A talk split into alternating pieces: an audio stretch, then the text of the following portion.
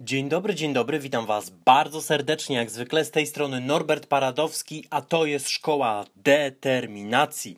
I dzisiaj będę mówił o idealnych, perfekcyjnych, wręcz przynajmniej dla mnie, proporcjach pomiędzy dwoma szalenie ważnymi elementami.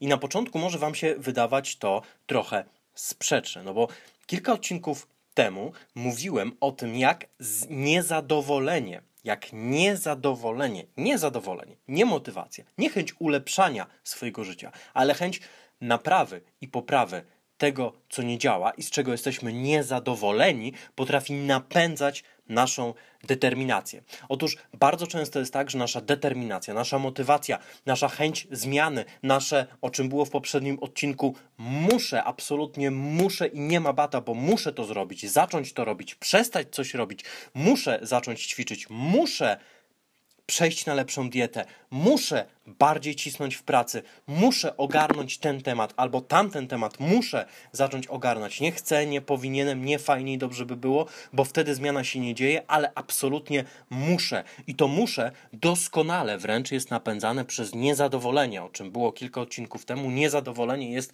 świetnym paliwem dla naszej zmiany i naszej determinacji. I moim zdaniem doskonałym uzupełnieniem niezadowolenia jest szczęście. I może się wydawać to paradoksalnym podejściem, ale wcale tak nie jest. Szczęście i niezadowolenie powinny iść ze sobą w określonych proporcjach, ponieważ jeżeli wypiszesz sobie wszystkie rzeczy, które nie działają w Twoim życiu i zrobisz taką długaśną listę rzeczy, z których naprawdę jesteś niezadowolony, to błyskawicznie przejdziesz w naprawdę kiepski stan emocjonalny i uświadomisz sobie wtedy, że Twoje życie jest fatalne. Dlaczego tak sobie uświadomisz? No bo będziesz koncentrował się na tym, co w tym życiu nie działa, a zazwyczaj dostajemy to, na czym się koncentrujemy, to, na czym skupiamy swoją uwagę, to zawsze wysuwa się na pierwszy plan, a cała reszta staje się tłem albo jakiegoś rodzaju niewidoczną częścią krajobrazu. Mamy to, na czym się skupiamy. Dlatego moim zdaniem powinniśmy być szczęśliwi. Powinniśmy być szczęśliwi, ponieważ szczęście to jest coś, co nas napędza do działania. Szczęście to jest coś, co sprawia, że nam się bardziej chce, co sprawia, że lubimy siebie, że lubimy swoje życie.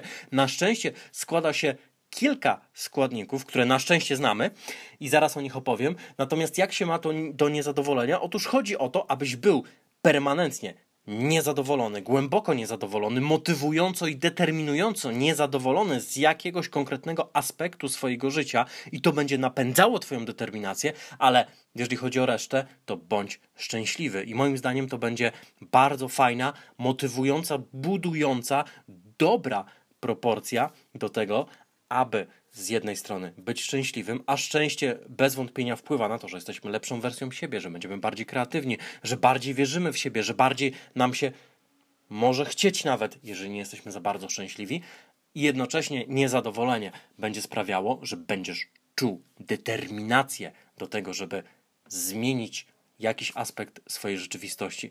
Ja w ogóle myślę, że Częstokroć ludzie, którzy mówią, że oni całkowicie akceptowali, kochali siebie, byli z siebie zadowoleni i tak dalej, i tak dalej, ale zaczęli trenować, bo chcieli być lepsi, oni tak naprawdę ogólnie życiowo, ogólnie sami ze sobą byli szczęśliwi, a jednocześnie też ten jeden konkretny aspekt, na przykład ich wygląd, albo ich kondycja, albo ich poziom zdrowia, sprawiał, że byli niezadowoleni. I to niezadowolenie napędzało dobrą determinację do działania, determinację, czyli coś, co będzie ci się utrzymywało, nawet jak motywacji sensu stricte już nie będzie. I teraz w momencie, w którym zastosujesz te proporcje, to będziesz w stanie nie tylko utrzymywać wysoki poziom determinacji, nie tylko mieć działanie systematyczne, niezależnie od tego, czy się chce, czy nie, ale także będziesz po prostu szczęśliwy po prostu będziesz czuł się lepiej i to sprawi, że będziesz w lepszej wersji siebie,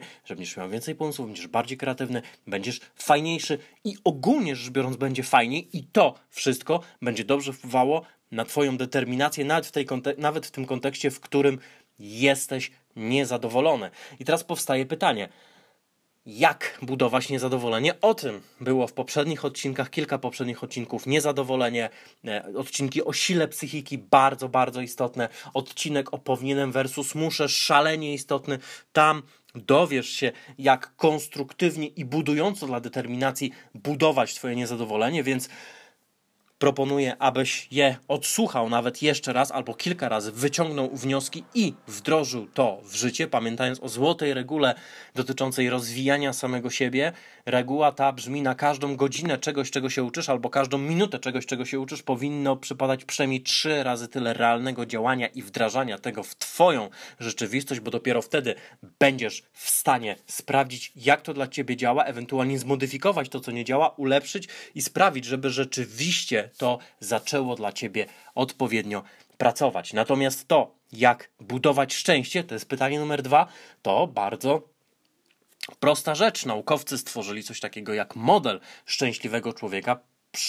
Powstał on w oparciu o metaanalizę badań na temat tego, co ludziom daje szczęście, i oczywiście na ten temat można by napisać wiele popularno-naukowych książek i wiele powstało, natomiast da się takie główne filary bycia szczęśliwym człowiekiem streścić w prostych, banalnych punktach, które możesz teraz sobie wynotować i od teraz zacząć je stosować w swoim życiu. Po pierwsze, sens.